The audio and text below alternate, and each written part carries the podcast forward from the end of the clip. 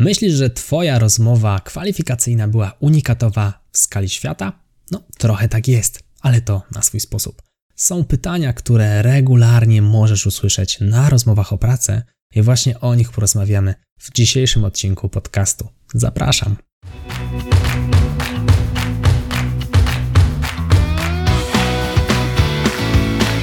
Chcesz przenieść swoją karierę na wyższy poziom? Nieważne, czy pracujesz na etacie, czy jesteś przedsiębiorcą. Świetnie trafiłeś.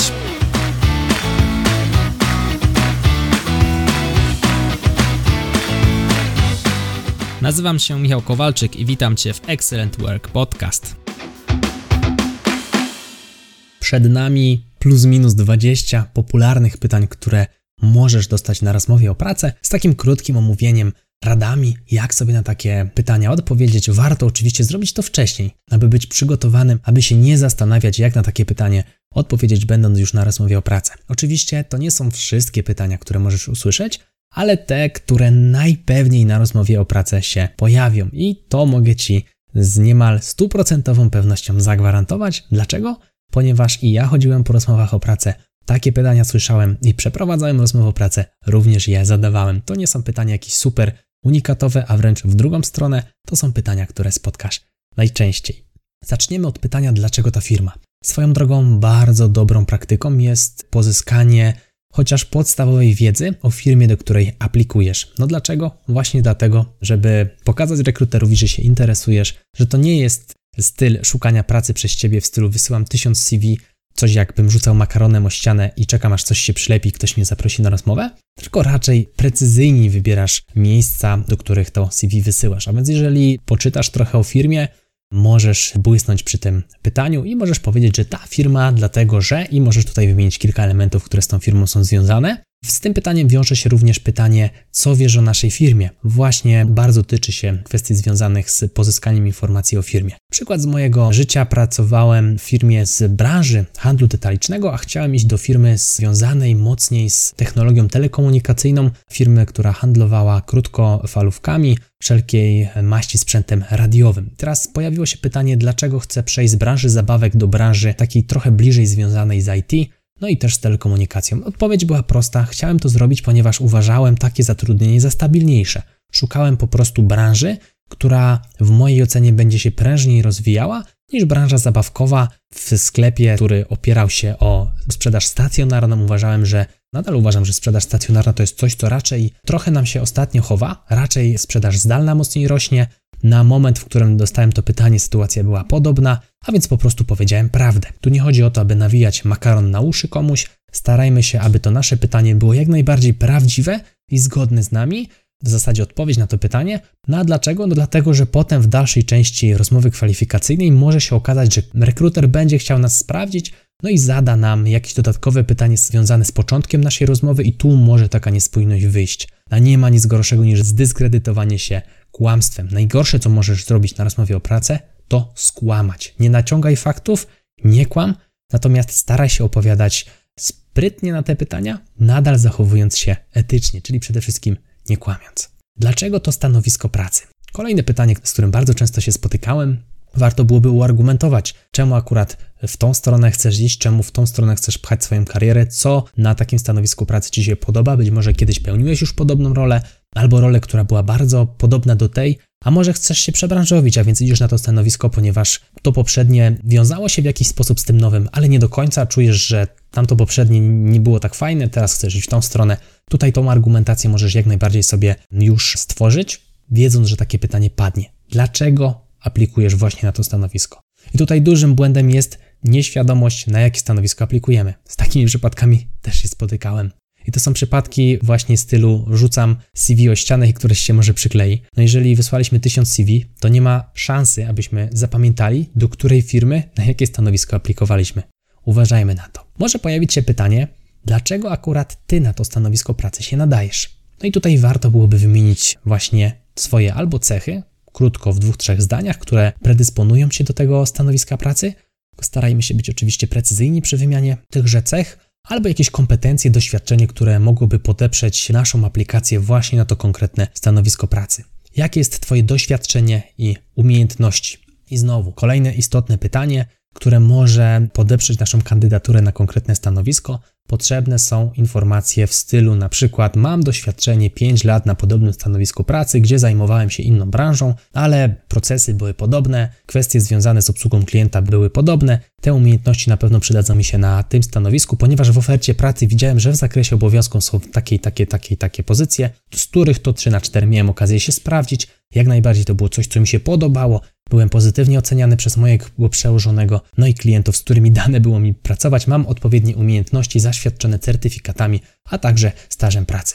No i taka odpowiedź pełna, którą gdzieś tam sobie w momencie, gdy nagrywam dla Ciebie ten podcast, po prostu wystrzeliłem gdzieś z biodra, jest całkiem, myślę, sensowna. A więc starajmy się pokazywać to nasze doświadczenie, nie wstydźmy się go, mówmy o sobie dobrze. U nas w kraju różnie to bywa z tym przyuczaniem nas do mówienia o sobie dobrze.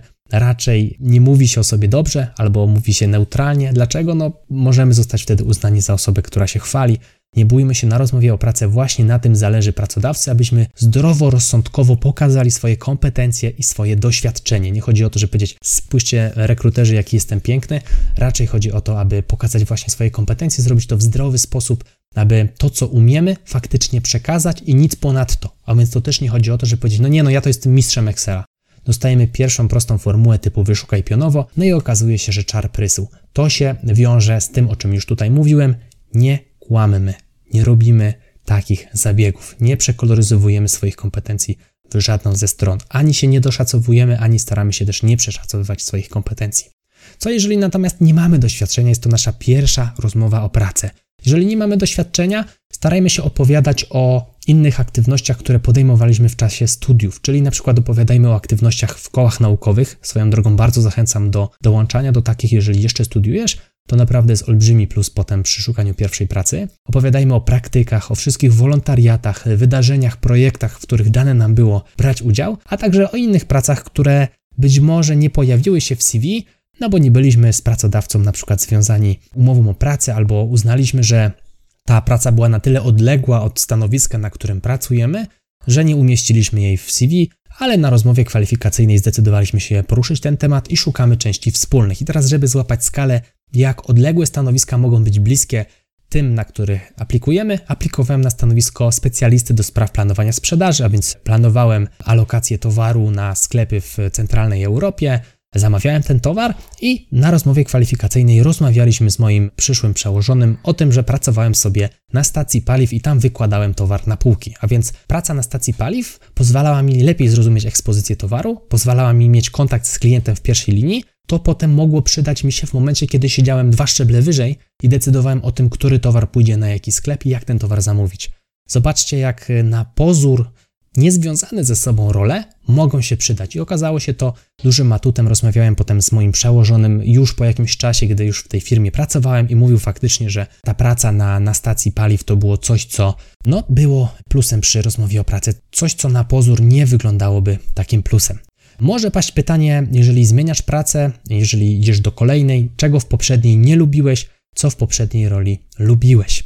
To pozwoli Twojemu przyszłemu pracodawcy zweryfikować, czy to, co będziesz pełnił na swoim stanowisku nowym pracy, jest spójne z tym, co lubisz czy czego nie lubisz. Łatwiej pracuje się z osobą, która wykonuje swoje obowiązki z radością, niż z taką, która wykonuje swoje obowiązki z przymusu. I tu znowu nie chodzi o to, że ty jesteś niewystarczający albo niedobry. Może się po prostu okazać, że osoba, której firma szuka, to nie jest ta osoba, którą jesteś ty. Po prostu nie ma w tym nic złego. Być może dużo rzeczy, które by na tym stanowisku się działy, byłyby tymi rzeczami, których nie lubisz robić. Lubię porównywać rozmowę do pracy z randką, taką pierwszą randką. Trochę jak randka w ciemno. Przychodzisz, poznajesz nową osobę, może to być kobieta, może to być mężczyzna, w zależności od tego, jakiej jesteśmy płci, i po prostu sobie rozmawiamy. Zastanawiamy się, czy do siebie pasujemy, porównujemy swoje cechy, staramy się tutaj jakoś do siebie dopasować. Jeżeli stwierdzamy, że taka relacja nam odpowiada, no to w przypadku rekrutacji podpisujemy umowę, w przypadku randki spotykamy się dalej w innych miejscach, poznajemy się w innych przestrzeniach itd., tak itd. Tak A więc nie ma w tym nic złego, że po prostu rozstaliście się po rozmowie o pracę. O tym też należy pamiętać. Za co lubił Cię zespół, za co cenił Cię zespół, czyli jaka jest Twoja cecha, która w ocenie zespołu, z którym dane Ci było kiedyś pracować, była taką cechą wychodzącą naprzód. To również jest badanie zbieżności celów stanowiska z tymi kompetencjami, które Ty posiadasz. Pamiętaj, aby odpowiadać na pytania maksymalnie precyzyjnie, czyli kolokwialnie mówiąc, nie lać wody. I tutaj przykład. Opowiedz przykład wyzwania i jak sobie z nim poradziłeś. To jest pytanie, które również było mi dane dostać na jednej z rozmów o pracę, i tutaj mam taki fajny przykład przygotowany. Mamy dwie odpowiedzi na to pytanie. Dzięki moim wyliczeniom zaoszczędziliśmy powierzchnię magazynową. Możesz tak odpowiedzieć na to pytanie. Natomiast to nie do końca jest dobra odpowiedź. Dlaczego? Bo nie jest precyzyjna. To jest coś w stylu, no jestem kreatywny, punktualny, no i ogólnie to wysokiej jakości świadczę pracę. No okay, ale coś dokładniej. Teraz zamiast dzięki moim wyliczeniom zaoszczędziliśmy powierzchnię magazynową, możesz powiedzieć, dzięki moim wyliczeniom zaoszczędziliśmy 23% powierzchni magazynowej, co przełożyło się na spadek kosztów firmy o 5% w skali roku. Ta odpowiedź jest zdecydowanie bardziej mierzalna. I teraz, czy ty zdradzasz tajemnicę firmy mówiąc o procentach? No nie. Dopóki poruszasz się procentami, wszystko jest ok. Gorzej, gdybyś tutaj e, rzucał kwotami, a te kwoty były poufne. Na to też uważaj. Nie chodzi o to, aby zdradzać tajemnicę firmy, w której obecnie pracujesz albo ostatnio pracowałeś, no bo pewnie odpowiednimi klauzulami jesteś związany, ale także no samą etyką i byciem takim po prostu człowiekiem. Bo jeżeli dzisiaj opowiadasz w nowej firmie o tej swojej byłej, to zastanów się, co ten pracodawca może pomyśleć o tobie z perspektywy tego, że może kiedyś też zmienisz pracę i pójdziesz od niego i będziesz dalej opowiadał o wynikach finansowych firmy dalej. Może niekoniecznie chcesz o tym mówić, może akurat powierzchnia magazynowa nie jest czymś, co jest jakąś super tajną daną, bo pewnie idzie to znaleźć w raportach finansowych firmy, no ale generalnie staramy się tutaj nie mówić o rzeczach poufnych, bardzo poufnych albo takich, które za poufne przez rekrutera mogłyby zostać uznane. Dlaczego chcesz zmienić pracę? Sytuacja, w której jesteś w jakiejś firmie i zmieniasz pracę na inną. To też pytanie, które regularnie dostawałem, szczególnie dlatego, że zmieniałem stanowisko pracy z menadżera na starszego specjalistę i to było najczęściej pytanie, dlaczego chcesz zmienić pracę i rezygnujesz ze stanowiska menadżerskiego, idąc w stronę starszego specjalisty. Ja miałem na to pytanie przygotowaną odpowiedź, bo na każdej rekrutacji, pamiętam, byłem wtedy na trzech, na każdej mnie o to pytali, no odpowiadałem szczerze ponieważ uważam, że jestem młodym człowiekiem. Ja miałem wtedy 20, chyba 6 lat i przyjdzie jeszcze w moim życiu czas na menadżerowanie. Chcę popracować na stanowisku starszego specjalisty, doszlifować sobie warsztat specjalisty, no i potem świadomie zdecydować, czy chcę pójść bardziej w stronę analityczną, czy w stronę menedżerską. No i taka odpowiedź to była odpowiedź, która satysfakcjonowała całą trójkę, raczej patrząc na ich reakcję i na to, że faktycznie w każdym procesie Dwa z trzech procesów rekrutacyjnych wygrałem, w jednym odpadłem w finale. W zasadzie w jednym aplikowałem na specjalistę, a dostałem propozycję menadżera, więc zakładam, że ta odpowiedź raczej była plusem niż minusem, a więc miejmy gdzieś tam w rękawie odpowiedź na takie pytanie, dlaczego chcesz zmienić pracę? Jakie są Twoje wady i zalety? I teraz jak powiesz, że nie masz wad, masz same zalety, no nie jest to niestety możliwe. Każdy ma jakąś wadę. Nie ma osób bez wad. Teraz rekruter chce sprawdzić, czy jesteś świadom swoich wad. On się ciebie nie pyta, czy ty masz wady tylko jakie one są. To jest zasadnicza różnica. Nie czy masz wady, tylko jakie masz wady, jakie masz zalety. Znowu, w dwóch, trzech zdaniach, co jest Twoją wadą, co jest Twoją zaletą, bądźmy ich świadomi, możesz pokazać przykład. I teraz znowu coś, co było udziałem moim. Moją wadą był problem z błędem w plikach. I jak dostawałem pytanie, co jest moją wadą, mówiłem następującą rzecz. Moją wadą było robienie błędów w plikach, i teraz szef zwrócił mi na to uwagę. Mieliśmy spotkanie jeden na jeden przy ocenie rocznej. Mówił, że faktycznie powinienem nad tym popracować. Zbudowaliśmy plan naprawczy. Zaproponował mi podwójne sprawdzenie przed wysłaniem pliku. Zacząłem to wdrażać. Po wdrożeniu zmian, na miesiąc od tych zmian, wszystko było już ok. No i teraz moje pliki są niemalże bezbłędne, no bo wiadomo, że jakiś błąd zawsze każdemu się zdarzy. Natomiast liczba tych błędów spadła praktycznie do zera. No i ta odpowiedź jest ok, bo pokazuje, że po pierwsze jesteś świadomy wady, po drugie jesteś otwarty na konstruktywną krytykę i potrafisz wdrażać plany zmian, no i jesteś tym samym elastyczny. To jest prawda, to nie jest jakaś wymyślona historia, tylko faktycznie taki miałem problem. Swoją drogą śmieszne, prawda? Gość przeszkolił już ponad 6 tysięcy osób, a kiedyś na samym początku swojej kariery nie potrafił wysłać pliku bez błędów. No, taki ten los jest zawodniczy. Także pamiętajmy o świadomości swoich wad, ale nie bójmy się też mówić o zaletach. Nie bójmy się mówić o naszych mocnych stronach. No na przykład u mnie mocną stroną było podejście analityczne, łatwo łączyłem fakty i łatwo na podstawie liczb potrafiłem wyciągać wnioski. To jest moją zaletą praktycznie rzecz biorąc do dzisiaj. No i myślę, że też taką dużą zaletą jest to, że dość płynnie się wysławiam, nie mam problemu z artykułowaniem swoich myśli, co może się przydać na przykład na prezentacjach firmowych. Jaka jest Twoja największa porażka i czego Cię ta porażka nauczyła? Też bardzo często spotykane pytanie. Teraz dobrze byłoby, gdyby ta porażka wiązała się z jakąś historią związaną z etatem. Tu nie chodzi o to, że powiesz, no bo mnie tam że dziewczyna rzuciła po dwóch latach związku i było mi smutno i nauczyłem się, że tam nie można ufać kobietom. No to jest średnia nauczka i średnia historia.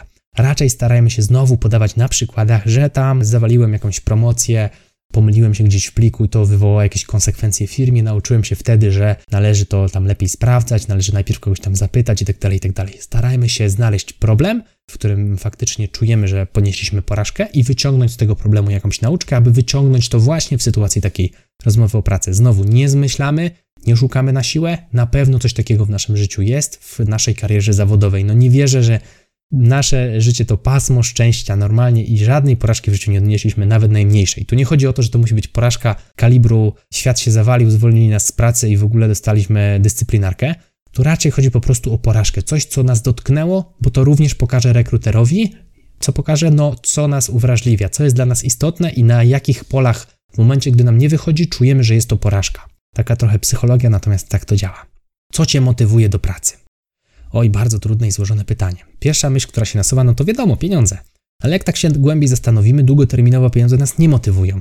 No, przywykamy do naszej pensji i za chwilę pensja, która w dniu rekrutacji, wynegocjowania wydawała nam się bardzo wysoka, po pół roku zaczyna wydawać się normalna, a po czasami nawet i szybciej, 9 miesiącach, czasami nawet po 3 miesiącach, uważamy, że jednak w sumie to nam y, płacą za mało i wypadałoby iść po kolejną podwyżkę. Taka inflacja niestety u nas w głowie zachodzi i musimy z tym żyć. A więc pieniądze to nie jest coś, co jest taką główną motywacją i rozpoczęcie odpowiedzi na pytanie, co cię motywuje pieniądze, może nie do końca być dobrym pomysłem, ale warto o nich wspomnieć, jeżeli uważamy, że są dla nas naprawdę ważne. Możemy powiedzieć, że pensja jest dla nas istotna, wynagrodzenie jest dla nas istotne, czujemy się dzięki temu bezpiecznie, zapewniamy byt rodzinie i faktycznie godziwe wynagrodzenie to jest coś, co motywuje nas do pracy. Natomiast są jeszcze inne przestrzenie, które motywują nas do pracy i to nie jest coś, co jest wymyślone, tak też się dzieje. Gdybyśmy mieli złą atmosferę w pracy, nikt nas nie szanował w tej pracy, źle nam się rozmawiało z klientami, procesy były tak stworzone w firmie, że właściwie to ich nie było, czysty chaos, nie byłoby żadnych automatyzacji, wszystko byłoby trzeba robić ręcznie,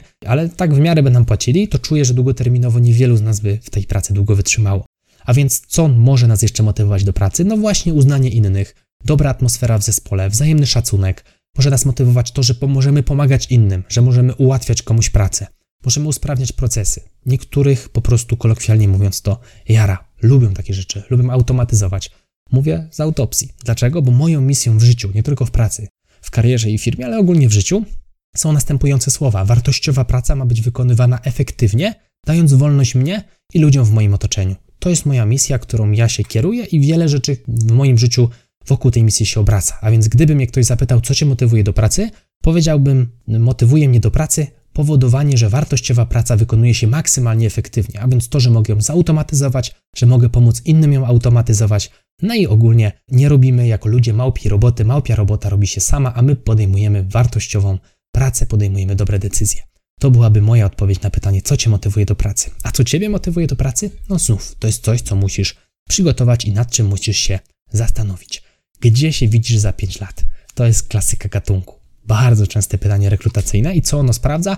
No ono sprawdza przede wszystkim znowu zbieżność celów rekrutera z Twoimi. Bo jeżeli rekruter szuka kandydata, który przez najbliższe 5 lat będzie pracował na tym samym stanowisku pracy, który nie ma aspiracji jakichś rozwojowych, no bo szukają typowo osoby, która będzie robiła taką w miarę możliwości odtwórczą pracę, której nie da się zastąpić robotem, no to wszystko ok, jeżeli ty też jesteś z tym spójny. A więc jeżeli powiesz, no ja to przez najbliższe 5 lat chciałbym właśnie pracować na tym stanowisku pracy i nie chciałbym się rozwijać.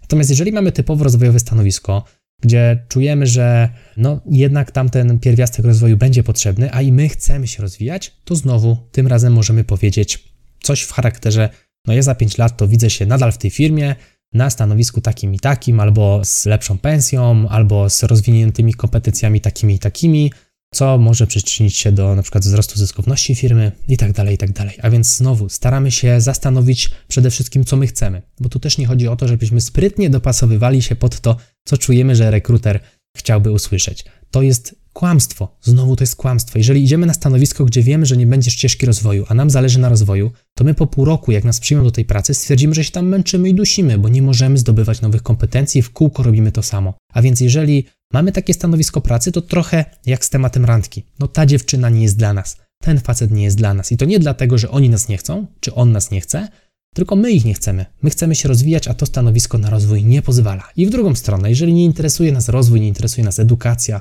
usprawnienie swoich kompetencji, chcemy spokojną pracę odbędzić 8 godzin i do domu, a firma będzie wymagała od nas na stanowisku właśnie zacięcia do rozwoju, zdobywania nowych kompetencji, rozmawiania z ludźmi z wielu działów, aby się od nich uczyć, no to być może to stanowisko pracy nie jest dla nas. Nie bójmy się powiedzieć: OK, zaprosiłem na randkę niewłaściwego faceta, niewłaściwą dziewczynę, rozejdźmy się w pokoju. Nie ma w tym nic złego. Także staramy się przede wszystkim powiedzieć to, co czujemy, aby na koniec dnia być przede wszystkim z pracodawcą szczerym. I to a propos szczerości wiąże się też z licznymi pytaniami, które dostaję na prywatnych wiadomościach albo na maila, czy robię testy z Excela do pracy, albo czy robię testy z Excela na egzaminy za pieniądze. Nie robię ani za darmo, ani za pieniądze, bo uważam, że jest to oszustwo, a ja z oszustami nie chcę mieć nic wspólnego. No i bardzo często takie pytanie kończy się też czym? Blokadą z mojej strony. Mówię o tym otwarcie, a więc jeżeli ktoś z Was chciałby dostać blokadę, wystarczy zapytać, czy napisze za niego jakiś egzamin. To taka dygresja na boku. Bądźmy szczerzy ze sobą, z innymi, a z pracodawcami i wykładowcami szczególnie, bo wróci to do nas potem, no, bumerangiem i oberwiemy. Czasami możemy oberwać mocno. Czym się interesujesz? Pytanie nieco większe, natomiast znowu pokazuje naszemu rekruterowi, czy mamy jakieś zainteresowanie, w którym się realizujemy i co to jest za zainteresowanie. Oczywiście na upartego możemy powiedzieć, że nie chcemy o tym rozmawiać, że to jest zbyt prywatne i tak dalej. Nie ma w tym nic złego, pewnie rekruter to uszanuje. Natomiast zazwyczaj to jest takie naprawdę luźne pytanie, ale z którego rekruter oczywiście coś będzie chciał wyciągnąć. Bądźmy gotowi na pytanie precyzujące, czyli jeżeli powiemy, że lubimy czytać książki, może nas rekruter zapytać, co tam ostatnio czytaliśmy. Miałem takiego przełożonego, właśnie z którym dane mi było pracować, no on tak lubił takie tematy drążyć, szczególnie rekrutował mocno na podstawie tych doświadczeń, z zainteresowań, z pasji, no i lubił dopytywać o te zainteresowania, właśnie sprawdzając, czy ktoś sobie po prostu wpisał, nie mam co wpisać, to wpiszę książki, albo winiarstwo, albo jakieś tam kino, czy ktoś faktycznie się tym interesuje. Chodzi o właśnie taką, on sprawdzał tym dokładność, czyli jeżeli ktoś w CV sobie tak powpisywał, żeby tylko zapchać CV, no on starał się wychwytywać takie elementy, bo uważał, że to jest w pracy analityka istotne, aby być spójnym z tym, co tam jest napisane i dokładnie wpisywać to, co się wie lub czego się nie wie. I na samym końcu wisienka na torcie, czyli Twoja dostępność i oczekiwania finansowe. Pytania w stylu, od kiedy możesz zacząć, to się wiąże z sytuacją, w której mamy już gdzieś pracę i ją zmieniamy. A więc jak długo trwa nasz okres wypowiedzenia? Mocno techniczne pytanie. Czy aplikujemy gdzieś jeszcze? To jest też ciekawe pytanie, bo pozwala rekruterowi też, że tak powiem, wybadać teren, czy my szukamy tej pracy jeszcze dalej, czy on jest jedyną kartą na stole. Być może, jeżeli jest więcej procesów rekrutacyjnych, które się toczą, no może poczuć ten rekruter może nieco większą presję, ale z drugiej strony może stwierdzić, że skoro ten kandydat jest powiedzmy średni i nie do końca wpisuje się w to, co firma oczekuje, może po prostu też odpuścić. Tutaj jest ciężko temat wybadać, może to być plus, może to być minus, natomiast znowu bądźmy najzwyczajniej w świecie szczerzy. Powiedzmy, że takiej pracy szukamy, że zaaplikowaliśmy na przykład jeszcze do trzech firm, no i w tych trzech firmach dwie się odezwały, no i na przykład tam ten proces trwa. Raczej unikałbym mówienia, że stosujemy taktykę makaronościane, czy tam CV ościanej, które się przylepi. Jak tak robimy? Znowu, bądźmy szczerzy, ale to, że mamy być szczerzy, nie znaczy, że wszystko musimy mówić i paplać. Jeżeli się nas ktoś zapyta, czy aplikujemy do pracy, tak. Kropka. Jeżeli nas zapyta, do ilu firm wysłaliśmy CV, a wysłaliśmy do tysiąca, no to jakoś trzeba powiedzieć, no do wielu. Będzie myślę politycznie. No i na samym końcu najistotniejsza sprawa, ile, czyli jakie chciałby pan, pani otrzymać wynagrodzenie. Ulubione pytanie, gdzie wszyscy się już pocimy. O, już koniec, to znaczy, że już do, dochodzimy powoli do końca. Teraz ile powiedzieć, żeby nie było za dużo, a ile powiedzieć, żeby nie było za mało. Ogólnie to polega trochę znowu na obustronnym takim badaniu się. Czyli trzeba rzucić kwotą, która jest dla nas po pierwsze sensowna, którą my chcemy zarabiać, ale która jest też sensowna z punktu widzenia rynku. Na internecie można sobie znaleźć widełki płacowe w różnych regionach, na różnych stanowiskach jest naprawdę masę raportów i stron, które takie dane dostarczają. Można sobie posprawdzać na przykład Pracuj.pl bodajże ma taki raport, między innymi Pracuj.pl, ale jak się wpisze w Google, to naprawdę można sobie takie kalkulatory znaleźć. Znowu sprawdźmy w kilku, powyciągajmy średnią. Chodzi tylko o widełki. Tu nie chodzi o to, żeby wyliczyć sobie to, ile powinniśmy zarabiać do złotówki, tylko żeby mniej więcej złapać skalę. Czy to jest 2000, czy to jest 10 tysięcy, nie? Czy to jest 7 tysięcy brutto, no to znowu będzie to coś, co będzie zależało od stanowiska, lat doświadczenia, umiejętności, branży. Zmiennych jest tam sporo regionu, przede wszystkim na przykład Warszawa. Firmy w Warszawie płacą nieco lepiej niż w Krakowie. Uwzględnijmy te zmienne, no i wyliczmy sobie jakieś plus minus widełki. Dobrym mm, zabiegiem jest odpowiedź na to pytanie: chciałbym zarabiać nie mniej niż i tu kwota. Dlaczego nie mniej niż? Bo to jest coś, co stawia dolną granicę i daje nam możliwość do odbicia się od tej dolnej granicy w dalszych częściach procesu rekrutacyjnego. Czyli na przykład mówimy, chciałbym zarabiać nie mniej niż 5000 brutto. Ten proces rekrutacyjny trwa dalej. Zazwyczaj tak odpowiadamy na pytanie, które zostaje zadane nam przez telefon. A potem na rozmowie rekrutacyjnej możemy powiedzieć: Słuchajcie, moi drodzy rekruterzy, oczywiście trochę bardziej oficjalnie niż moi drodzy rekruterzy, ale można oczywiście tutaj w podcaście takiego kolokwializmu użyć. Rozmawialiśmy przez telefon, powiedziałem nie mniej niż 5000, natomiast usiedliśmy tutaj razem, zobaczyłem, jakie jest spektrum moich obowiązków. No i wygląda na to, że te prace, którą chcą mi Państwo oferować, jestem w stanie wykonywać za 5,5 tysiąca złotych. Dlatego, że lepiej poznałem ofertę, którą Państwo dla mnie przygotowali i tak dalej, i tak dalej. A więc dobrze podeprzeć po prostu te decyzje i podniesienie się o 10% to jest powiedzmy znowu w mojej ocenie taka bezpieczna granica. No jak ktoś powie dwa razy więcej albo podniesie się o 50%, no ta różnica jest dość duża i może się okazać, że nie mniej niż będzie trochę mało dobrym argumentem do tego, żeby się odbić dwukrotnie. Możemy się powiedzmy do te 10-15% podnieść. 15 to już sporo, ale takie 10% to jest całkiem spoko kwota, aby się gdzieś tam od niej odbijać i myślę, że można tak spróbować. Można też skorzystać z taktyki podnieśmy o więcej, a potem coś znegocjują, czyli podnieśmy o 20%, no oni tam sobie znegocjują, bo docelowo chcielibyśmy 10. O negocjacjach myślę, że trzeba będzie chyba nagrać kolejny odcinek. Ale to może w przyszłości. Pamiętajmy o tych pytaniach, bo jest ich całkiem sporo. Ja nie będę może tutaj wszystkich czytał po raz kolejny, albo może przeczytam. Dlaczego ta firma? Co wiesz o naszej firmie? Dlaczego to stanowisko? Dlaczego to akurat ty? Jakie jest twoje doświadczenie i umiejętności? A jak nie masz doświadczenia, to opowiadasz o kołach. Czego nie lubiłeś? Co lubiłeś w poprzedniej roli? Za co zespół cię cenił? Opowiedz przykład wyzwania i jak sobie z nim poradziłeś, dlaczego chcesz zmienić pracę, jakie są Twoje wady, jakie są Twoje zalety, jaka jest Twoja największa porażka i czego Cię ona nauczyła, co Cię motywuje do pracy, gdzie się widzisz za 5 lat, czym się interesujesz, od kiedy możesz zacząć, czy aplikujesz do jeszcze jakiejś pracy i jakie chciałbyś, aby było Twoje wynagrodzenie. To wszystko w tym podcaście. Jeżeli uważasz, że ten odcinek jest wartościowy, zachęcam Cię do tego, abyś się z nim podzielił. Jednej osobie go wyślij, podziel się tym odcinkiem z jedną osobą. No i oczywiście to był Excellent Work Podcast. Mówił dla Ciebie Michał Kowalczyk. Dziękuję Ci serdecznie. Do zobaczenia i do usłyszenia w kolejnym odcinku. Trzymaj się, hej!